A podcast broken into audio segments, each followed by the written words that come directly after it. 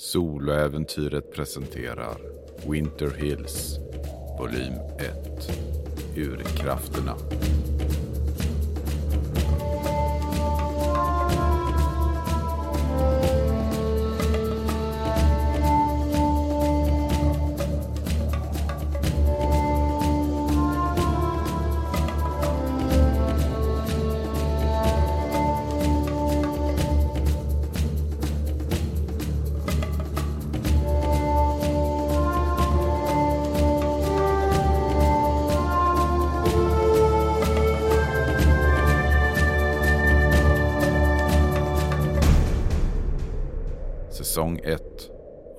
Avsnitt 17 Under the Stairs Fjärde delen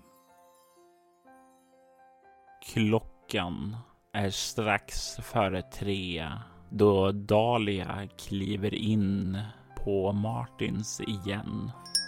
Klockan plingar till i den stora speceributiken.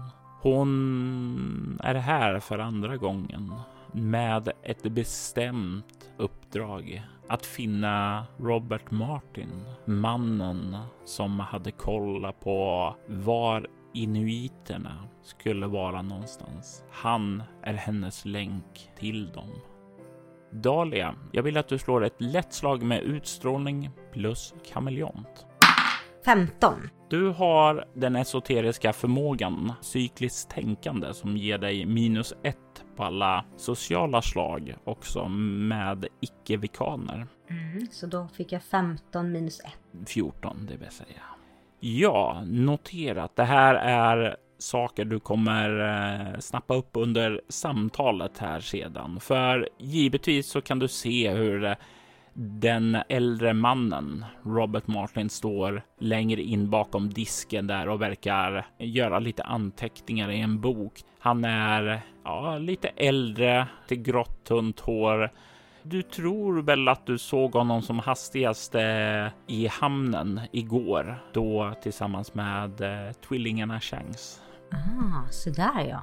Och du kan ju se också att det går runt lite annat folk här inne, men det är ganska lugnt nu. Det är ju trots allt en eh, fredag och det är inte riktigt slut på dagen för de flesta, så det, är, det här är väl lugnet före stormen. Jag tar och går fram till eh, butiksdisken. Mr Martin? Eh, ja, det stämmer, säger han och kollar upp. Eh, jag tror bestämt att ni är ny här. Kom ni med eh, tvillingarna Shanks? Ja, det stämmer. Jag kommer med samma båt som dem. Dahlia White, trevligt att träffas. Eh, nöjet är helt på min sida. Eh, vad kan jag göra för er? Jo, det var så här. Och jag sänker rösten lite grann. Jag var här tidigare då och pratade med ert barnbarn. Otroligt förtjusande flicka som sa att ni skulle vara här vid den här tidpunkten. Och det är så här nämligen att min resa hit gick för att träffa en eh, väldigt beläst man som jag vet skulle varit en expert inom sitt område, nämligen på inuiternas kultur och historia. Mr Leopold Holtz. Uh, ja, det... Då gissar jag på att ni vid det här laget inser att uh, det skulle vara svårt att träffa honom och prata med honom. Oh ja, jag inser det att uh, han gick bort för flera år sedan. Jag fick reda på det av hans änka. Men jag undrar om ni kanske skulle kunna hjälpa mig lite grann med detta? Ja, jag skulle ju väl inte säga att jag är någon expert, men eh, lite kunskaper har jag väl. Vad eh, vill ni veta? Ja, jag tittar lite grann på honom för att se hur han har reagerat på mina frågor. Ja, och du skulle säga som så, och det här här som liksom slaget kommer in du kan ju se att han liksom har, verkar ha ett ganska öppet sinne, eh, nyfiken på vad du vill träffa inuiterna för.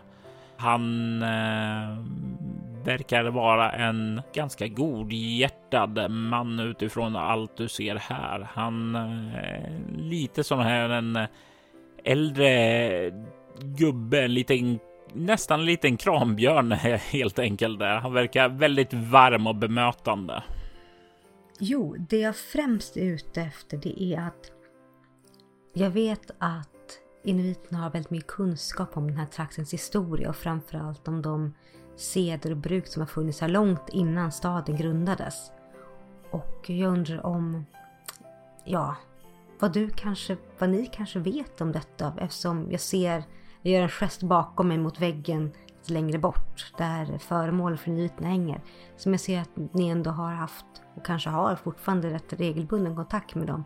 Och Annabelle sa även att ni var den rätta personen att prata med i så fall.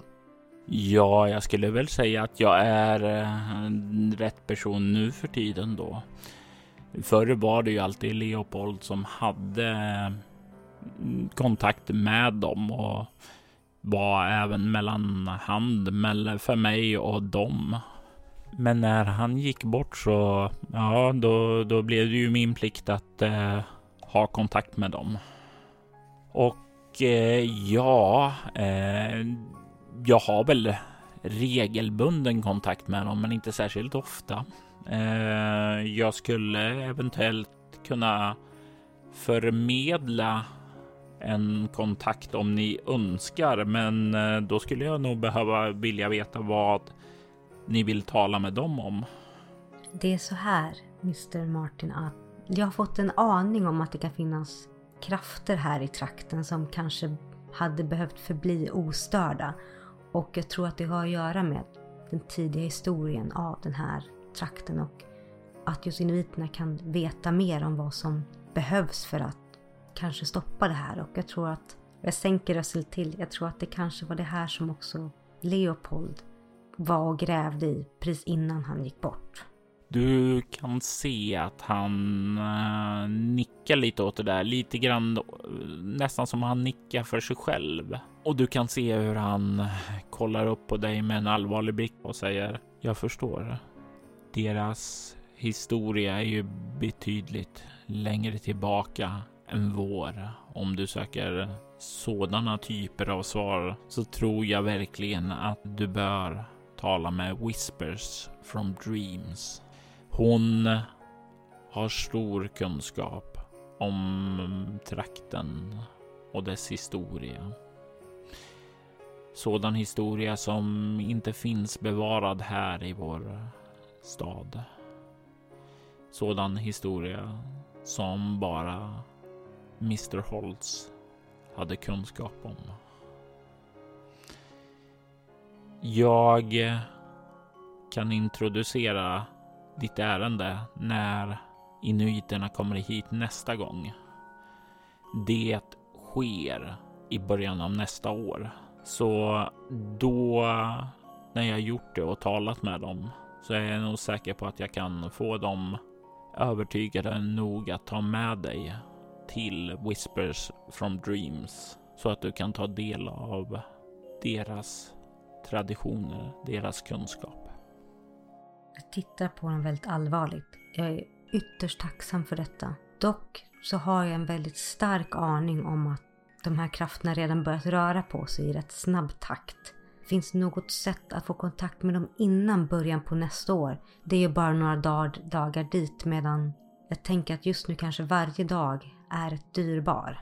Jag förstår och om det fanns ett sätt att kontakta dem så gick det förlorat med Leopold. Jag kan inte kontakta in inuiterna utan det är de som kontaktar mig. Jag beklagar för det. Jag tittar på honom med lite medkänsla i blicken.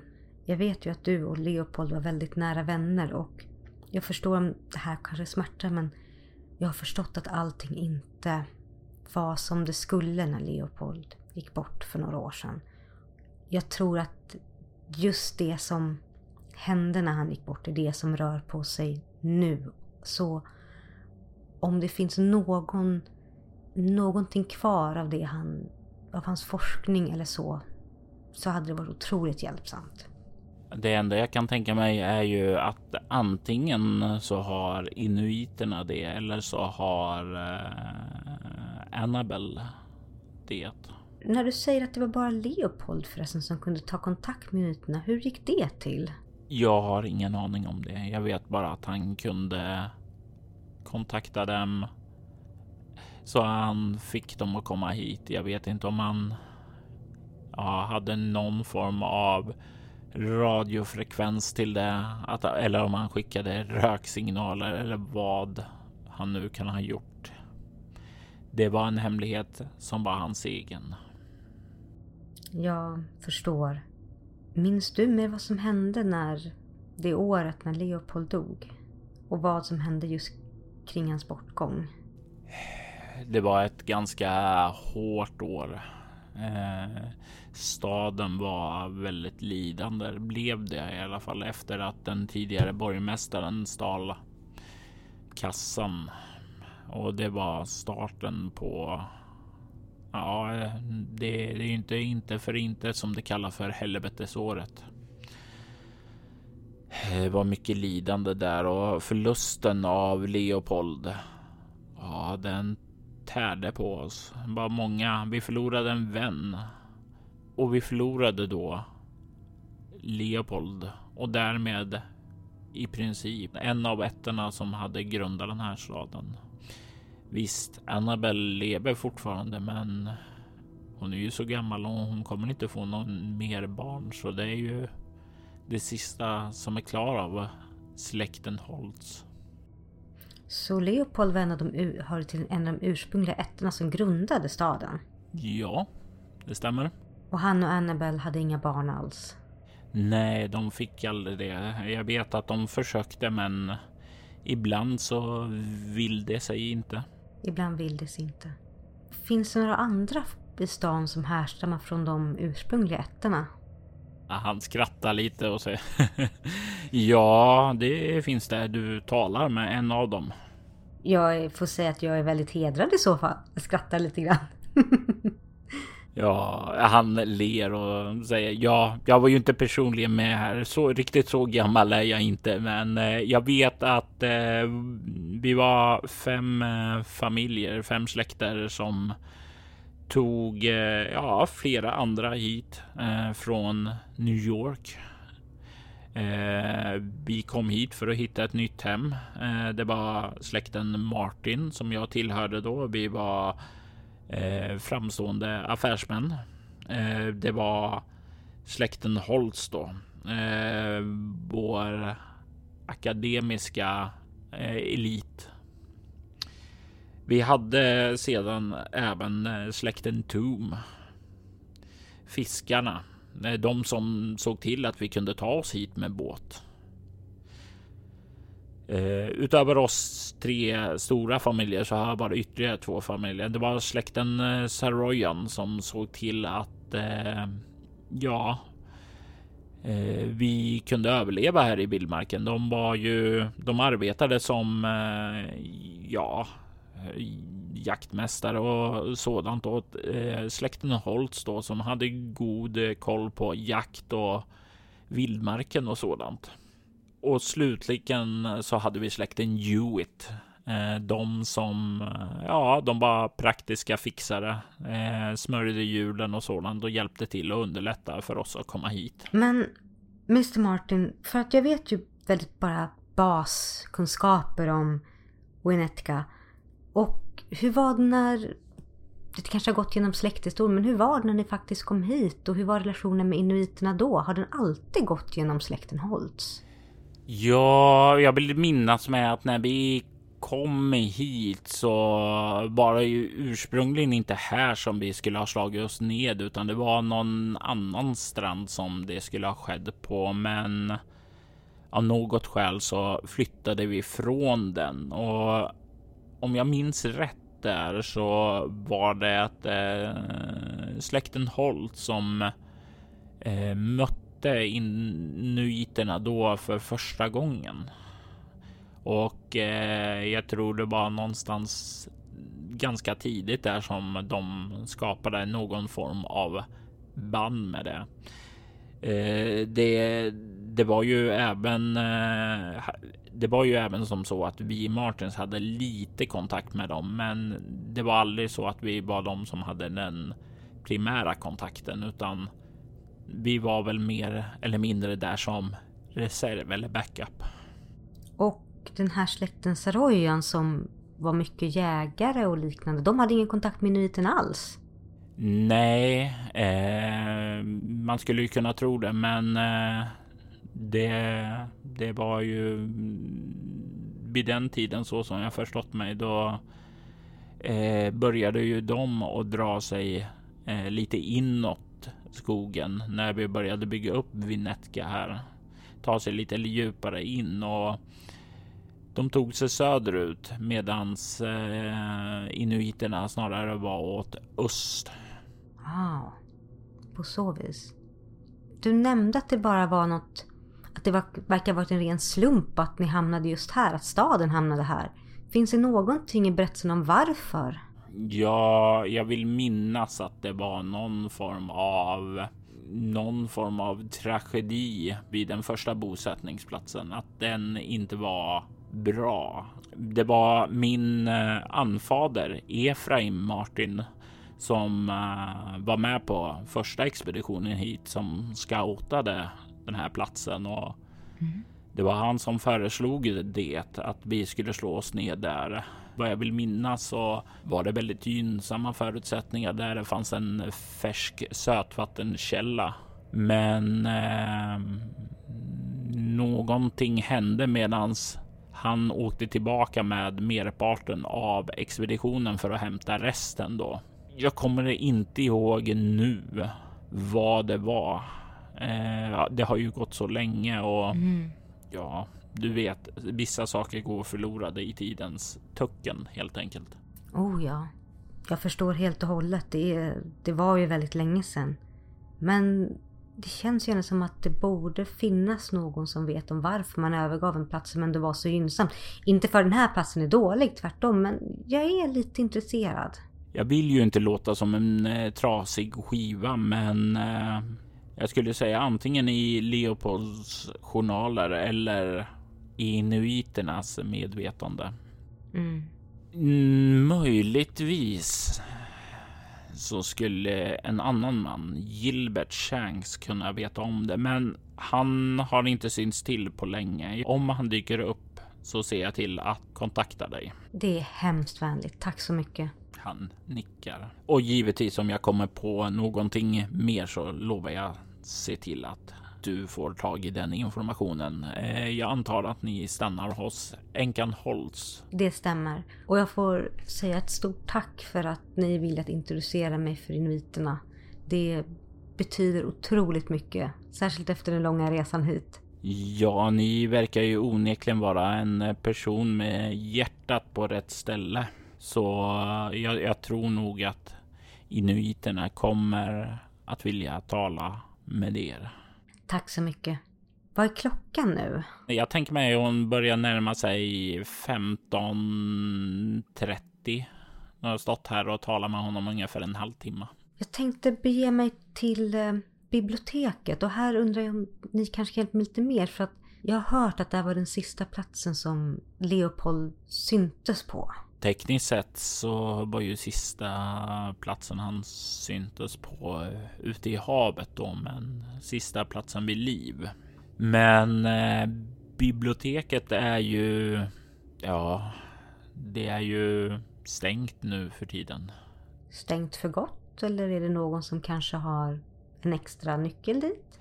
Ja, tekniskt sett så borde väl lärarparet Newton ha tillgång till nyckeln, men eh, sedan eh, biblioteket blev skadat under helvetesåret används det ju inte längre. Alla böcker är borta, utsorterade. Det är ju igenlåst med eh, kedjor och hänglås. Det är inte särskilt säkert att röra sig där inne längre. Det är ganska nedgånget. Men vad var det som hände med biblioteket under helvetesåret? För att jag förstod att det var där Leopold sist syntes till liv, men... Ja, det här var ju långt efter det. Alltså det var under senare delen av året och det var ju en storm där och det slets sönder en del av taket och det kom in ja, snö och hagel och sånt där och med tanke på att då borgmästaren hade flytt med kassan där så fanns det ju inte möjlighet att ja, spendera resurser på att ta hand om det, utan alla böcker där spreds väl över trakten. Eh, mestadels hamnade faktiskt hos eh, Mr Shank som jag tänker tillbaka på det. Eh, men eh, så böckerna sparas och sådant där, men lokalerna är ganska nedgångna och farliga att röra i sig i. Har du en aning om varför Leopold gick dit precis innan han dog? Det kändes som att han var så en beläst man och deras hus är fullt med böcker så att jag förstår liksom inte varför han skulle vara där. Det enda jag kan tänka mig är att det var en specifik bok som han letade efter. Eh, det var ju många böcker som hade donerats dit av våra släkter genom åren. Så det kan vara någon bok som tidigare generation av släkten Holtz hade donerat och tänkte att den inte behövdes, men som han nu behövde av något skäl. Eh, det enda jag kan tänka mig då är att det var någonting han upptäckte ute hos inuiterna. Men alla böcker är flyttade och det kanske var då Jill, Mr Shanks. Ja, ja in, han har ju inte alla. Det var en aktion där eh, året efter då, för att eh, försöka få in lite till, till statskassan.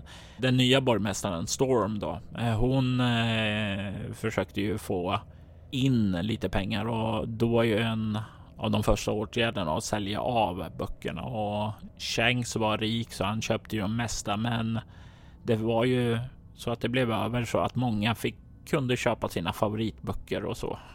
Jag vet definitivt att jag köpte några böcker också. Stort tack. Jag tror ändå jag ska bege mig till biblioteket en sväng senare. Man vet aldrig vad det kan finnas. Fanns några källarvåningar ner dit? Nej, inga källarvåningar. En sista fråga. Ja, att jag vill prata med inuiterna har att göra med de krafter som kanske fanns här redan innan staden grundades. Men jag hör att det finns en del andra berättelser om saker som om andra krafter här. Det är några legender som lokala berättelser som nämner det.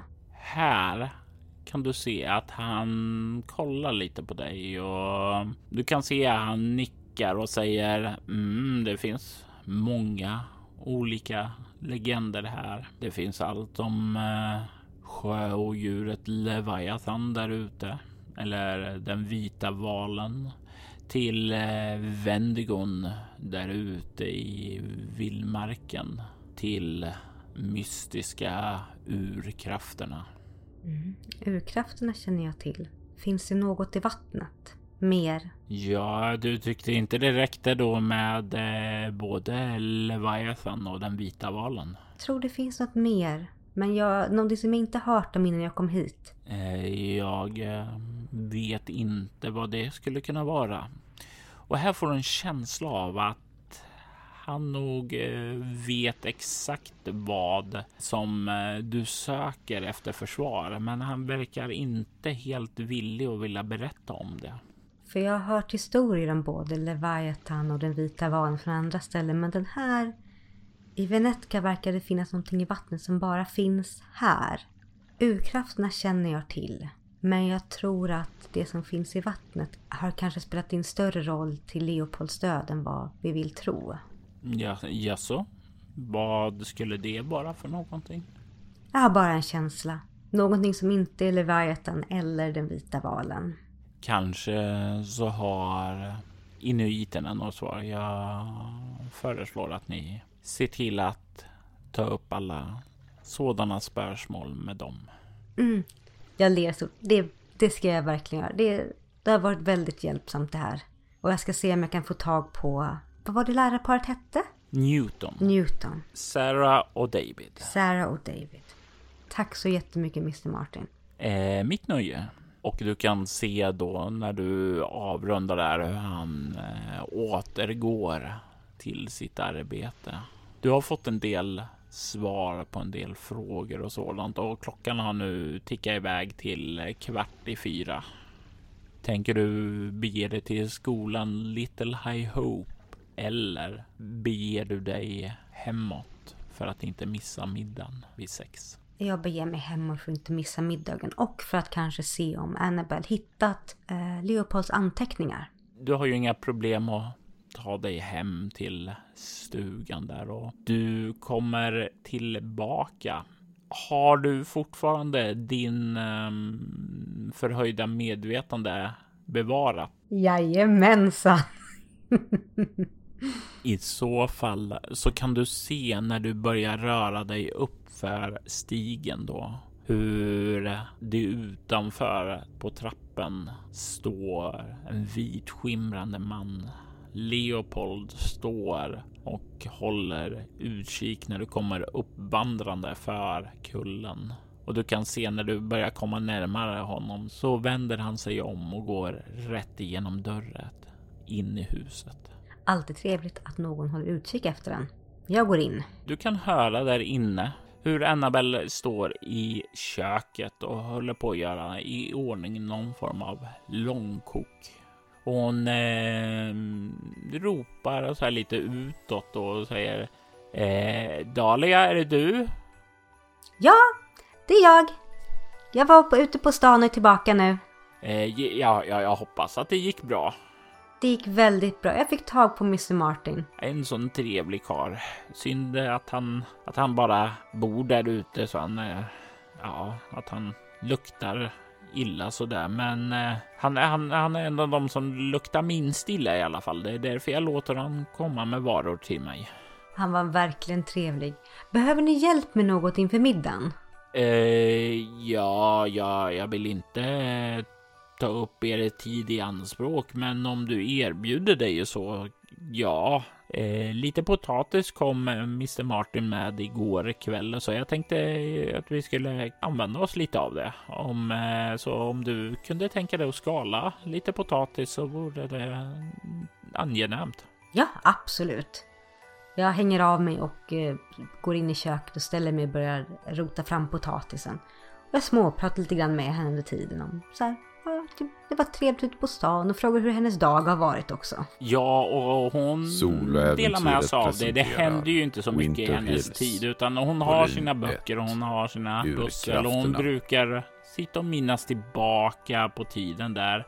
Och det är någonstans i det här samtalet som hon säger Just ja, eh, jag lovade ju att gräva fram Leopolds gamla journaler. Påminn mig att jag eh, ska gö göra det nu eh, efter middagen. Jag, jag, jag, jag, glömde helt bort det. Du får ursäkta. Ja, ingen fara. Jag ska påminna dig. Jag ska påminna dig efter middagen. Du vet, eh, ja, minnet var så mycket bättre när jag var ung. Ja, det, det blir väl så när åren går. Men man har ju andra fördelar när man blir äldre. Man blir mycket visare också. Ja, jag vet inte om man blir så mycket vigare då, men eh, man kanske blir mer klok istället. ja, vishet, definitivt. och den här ganska alldagliga känslan att stå och tala där, den bryts lite när du lägger märke till att det i dörröppningen står en välbekant gestalt. Du kan se att det är Leopold som står där och liksom iakttar Annabel. Annabel, inte mig. Inte dig. Mm. Maten blir väl färdig till slut och Jeffrey kommer ned ifrån sitt rum och hjälper till och dukar. Och ni slår er ned och har en ganska trevlig middag. Pratar lite om allmänna saker och, och efter middagen så kommer faktiskt Annabelle ihåg att gå iväg och börja kolla igenom de gamla gömmorna efter Leopolds journaler. Mm. Vad vill Dahlia ta sig till under fredag kväll? Ja, först och främst, vart gick Annabelle och letade? Hon gick uppåt. Mm. Och du är rätt säker på att hon gick upp då eh, till översta våningen där dit då hon bad att ni inte skulle röra er.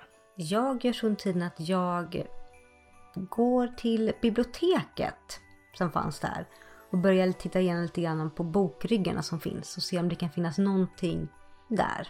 Jag tänker mig att du kan få slå ett eh, ego humaniora eller ego lingvistik. 11, 12, 13, 14. Du kan ju lägga märke till att Eh, Leopold måste ha varit en eh, väldigt beläst man, för här finns det böcker på engelska, franska, latin, grekiska, ryska, eh, mandarin till och med finns det någon bok på. Det framstår att det här är, såvida inte han har bara skaffat böckerna för att se smart ut, så verkar han ha varit en väldigt, väldigt beläst man. Mycket av de här böckerna eh, ser också ut att vara eh, ovanliga utgåvor av av böcker. Alltså du kan se sån här första upplaga och den där boken har du ju sett tidigare, alltså aldrig i första utgåva utan eh, för den brukar alltid vara för dyr eller för ovanlig. Så det är en ganska imponerande samling han har här som nu mest står och eh, samlar damm. Är det några böcker här som skulle kunna hinta om att han kanske har haft eh, någon form av anknytning till eh, vikan-tron som jag har? Eh, vad har du i okultism? En sexa. Du skulle nog säga nej. Det finns ingenting som knyter an till eh, vickan tro. Men däremot så kan du se att det finns en hel del skrifter som talar mycket om shamanism. Oh. Det finns, eh, även om det inte är esoteriska skrifter i sig, så finns det väldigt mycket som tar upp saker som berör en annan eh, esoterisk tradition. Jag eh, börjar bläddra lite grann i de böckerna faktiskt. Det är ju nog för att du ska kunna sätta dig och uh, mysa med de här böckerna i, ja, tekniskt sett egentligen flera veckor. Oj. Men uh, det finns ju nog här för att liksom bara göra en uh, första nedslagning här och jag tänker mig om du spenderar resten av kvällen med att gå igenom där så kan du få slå ett svårt slag med ego och för att se om du får fram något första intryck av det. Mm. Och jag tänker att jag ändå väntar på att Annabelle ska komma ner med skrifterna så det är dumt att lämna huset just nu. Så jag gör det. Jag spenderar kvällen. Så jag slår ett slag här. Ego ockultism. 15. Och det är precis ett lyckat. Uh. Många av de böckerna på det här området. Många verkar komma ifrån början av 1800-talet fram till mitten av 1800-talet. Det är nästan som du får intryck av att det de här böckerna har varit med familjen Holtz redan innan de kom hit. Nästan som om släkten har studerat det här innan de anlände. Mm, intressant. Mycket intressant. Men du får också en annan känsla och det är att troligtvis så har inte släkten Holtz själva praktiserat shamanism av eh, lite så här små diskreta noteringar i böckerna och så. Vid vissa, vissa stycken så får du en annan känsla. Det är nästan som om släkten innan de kom hit har studerat de här skrifterna. Som om de hade studerat dem för att lära sig om en möjlig fiende. Ja. Intressant. Det kanske skulle förklara varför de flyttade bosättningen. Men hur hänger det ihop med tragedin som hände? Hur hänger det ihop? Jag har svårt att tro att de skulle kunna framkalla en tragedi bara för att få alla att flytta till det här stället som visserligen har starka tendenser till Gaia men inte har någonting mer. Om det inte fanns någonting annat här som de visste om. Verkar de här anteckningarna vara skrivna av olika personer? Nej, det verkar vara skrivet av en och samma person. Vad har du um, i lingvistik? En sexa. Du skulle nog säga att det här sättet anteckningar är gjorda och sådant, är ju gjort av en högutbildad man i väldigt god ställning. Troligtvis också är oerhört intellektuell också. Och anteckningarna är, verkar de gamla? Är det kulspetspenna eller är det bläck? Det är väldigt, väldigt gamla. De verkar skrivna från tiden innan de kom hit. Får hoppas att Leopolds journaler berättar lite mer för hans anfader verkar ha vetat mycket mer än vad som kanske var allmänt känt, som definitivt var allmänt känt. Verkar det vara någonting som, det här som antingen står om att det verkar vara något som har bekämpat Verkar det syfta på en eller flera fiender? Du får nästan känsla av att det är det är nästan som om de har förväntat sig att det ska finnas schamaner bland inuiterna i trakten och att de ska utgöra ett problem. Oj, så att det var... Ha. Så det var inte samarbete de kanske syftade på i första hand, utan att det var... Om ryktena från Robert stämmer så blev de ju så blev de allierade i alla fall i slutändan. Så oavsett vad de kom hit för med för intentioner så verkar det i sånt fall ha förändrats. Frågan då, vad kan vara ett tillräckligt stort hot för att Hold ska slutas ihop med uniterna som de ändå betraktar som potentiella fiender?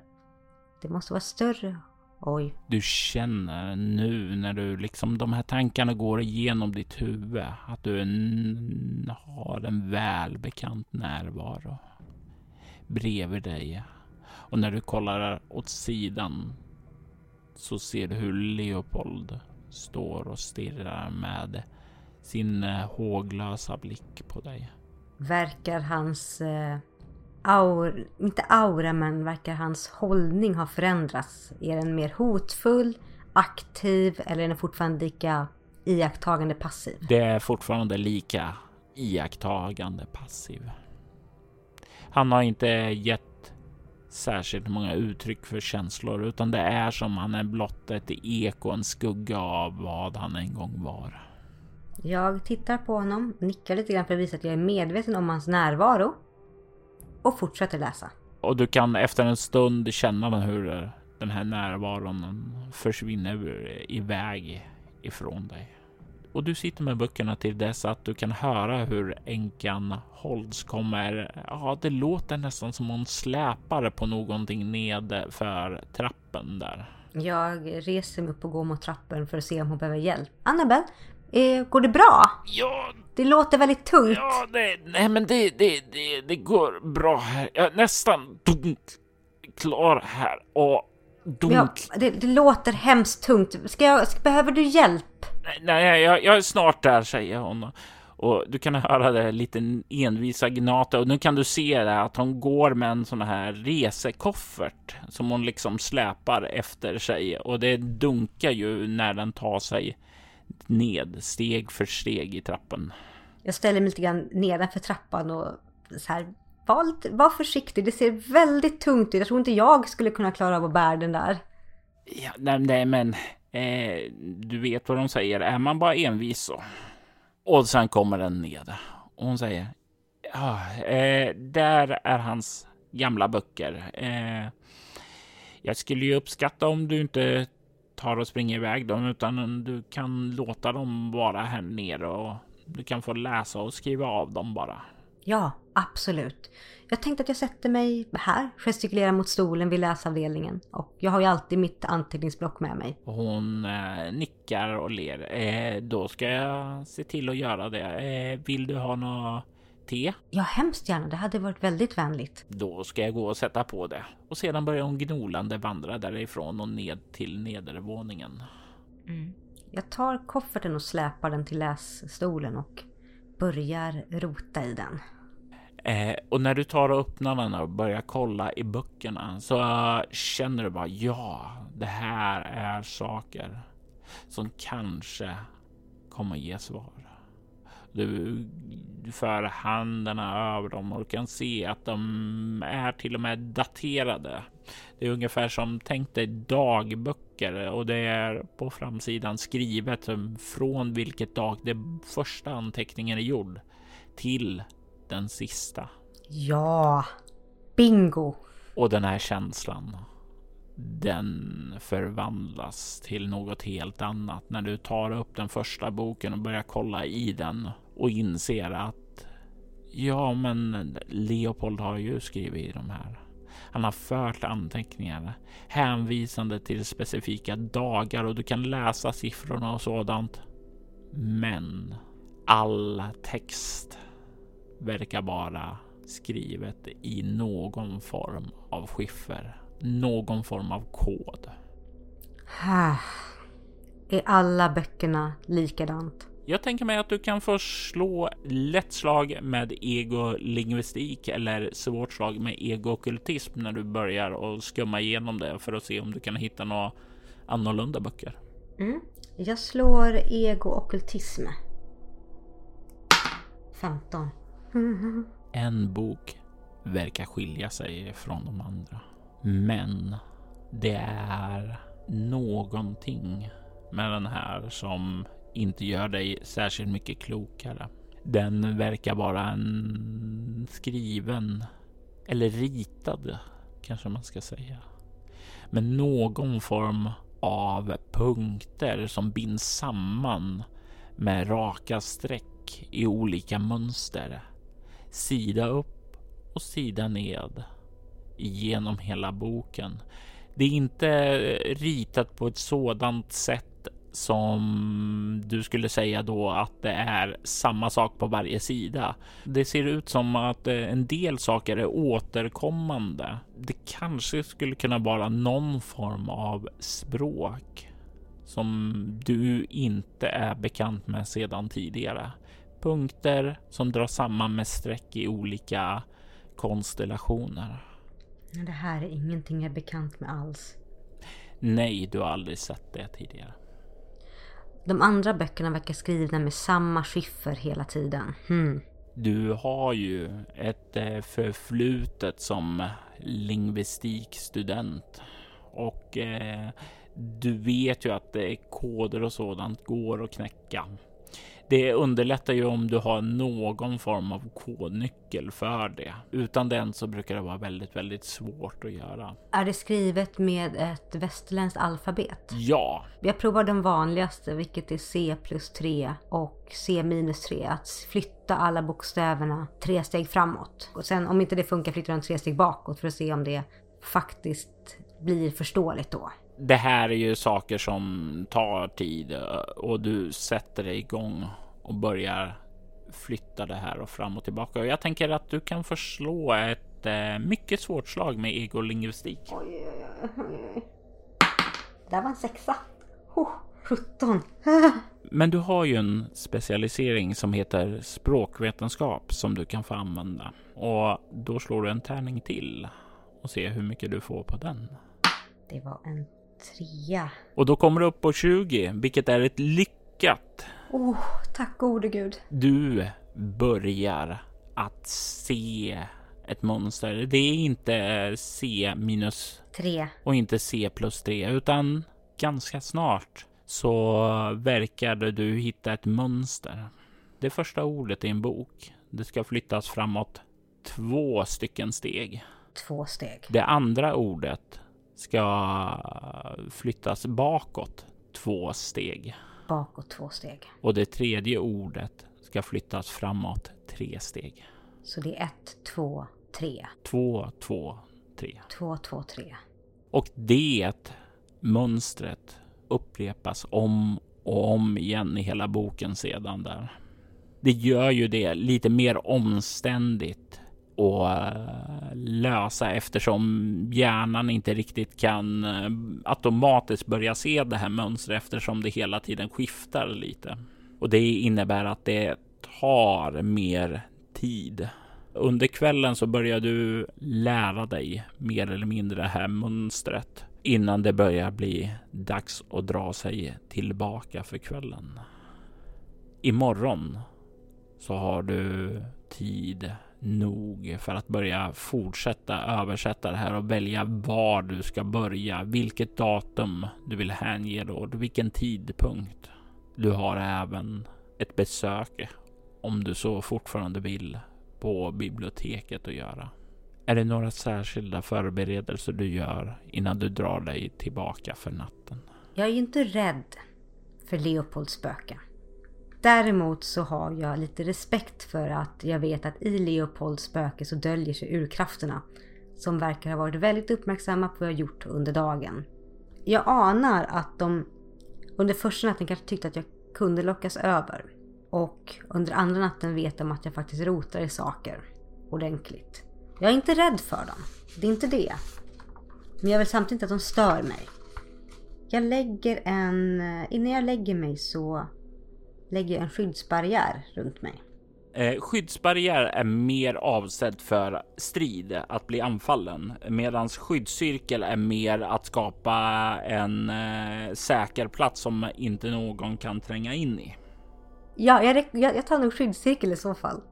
Och det jag gör då, när jag gått upp till mitt rum, jag säger godnatt till Annabelle efter jag druckit mitt te och um, frågar henne såklart först om jag ska lämna böckerna här eller om det är okej att jag tar med dem upp på mitt rum. Eh, hon säger, ja men jag, jag kanske är lite, lite för petig, men jag skulle uppskatta om du ville lämna dem där.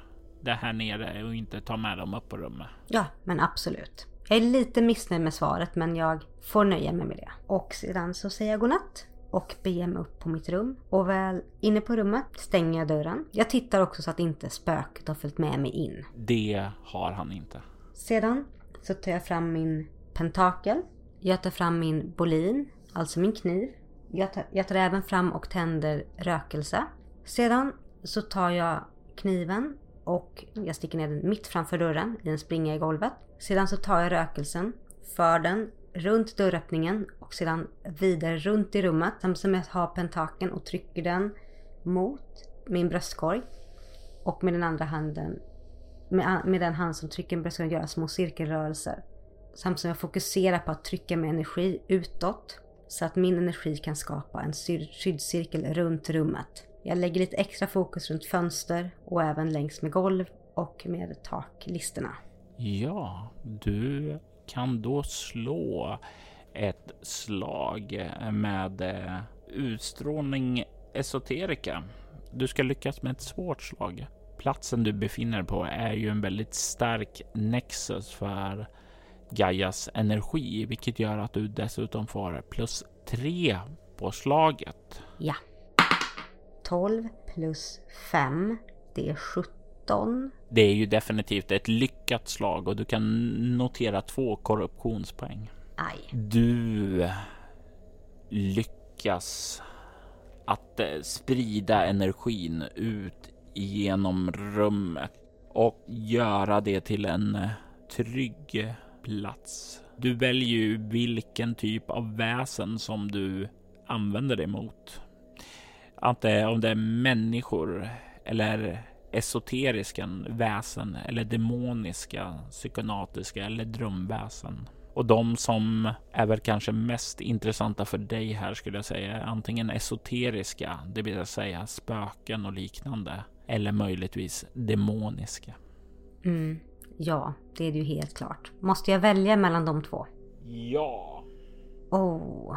Såvida nu inte vill utföra två stycken ritualer. Först en för den ena och sen för den andra. Men varje ritual kostar ju en bestående förlust. Så rädd är jag inte. Det får vara esoteriska väsen. Ja, du tar en bestående förlust i valfri egenskap. I ego i så fall. Och den här skyddsbarriären du har kastat nu, den är ju kvar så länge som du väljer att behålla den bestående förlusten. Uppfattat. Och du kan glida tryggt ned i sängen. Och i natt så hemsöks du inte av några spöken. Utan du vaknar sedan utvilad nästa dag, lördag den 22 december, redo att börja gräva i de mysterier som du ännu inte har funnit svar på. I detta avsnitt hör du Anna Erlandsson som Dahlia White. Winter Hills är en berättelse skapad och spelad av Robert Jonsson till rollspelet Bortom som ges ut av Myling Spel. Avsnittet klipptes av Jörgen Niemi och ljudlades av Robert Jonsson. Winter Hills temamusik skapades av Andreas Lundström från Sweden Rolls och Riddles in the Dark. Ni hittar hans musik på Spotify och Soundcloud. Övrig musik gjordes av Paleo Wolf, Ugasani, Velog Songs samt kollaborationen Shadows of Forgotten Legends av Alphax One, Proto-U och Onasander. Alphax One, Onasander, Paleo Wolf, Proto-U och Ugasani tillhör bolaget Cryo Chamber som ger ut fantastiskt stämningsfull ambientmusik som passar perfekt till dina spelmöten och rekommenderas varmt. Länkar till dem och övriga artister hittar du i avsnittets inlägg. Soloäventyret en actual play podcast där vi spelar rollspelen Bortom och Leviathan. Ni kan komma i kontakt med oss via mail på info.bortom.nu. Det går även att följa oss på Instagram och Twitter som @spelabortom på Facebook samt på bortom.nu. Känner även fri att spana in vår spin-off-podd Altors viddar. Där spelar vi det klassiska rollspelet Drakar och Demoner i världen Altor. Ni är välkomna att lämna recensioner av podden, både på Facebook och era poddappar. Det uppskattas djupt av oss och kan leda till extra belöningar för er. Vill du stödja Roberts fortsatta kreativa skapande kan du göra det på patreon.com Robert Jonsson. De som backar får tillgång till material i form av extra poddar och statusuppdateringar. Mitt namn är Jörgen Niemi. Tack för att ni har lyssnat. Vi vill ta tillfället i akt att tacka, hylla och hedra våra Patreon-backare. Martin Stackelberg Mia Gibson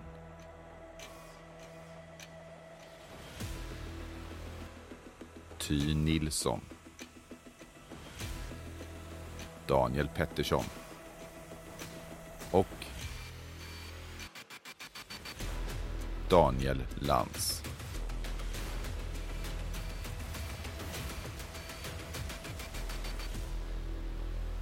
Ert stöd är djupt uppskattat.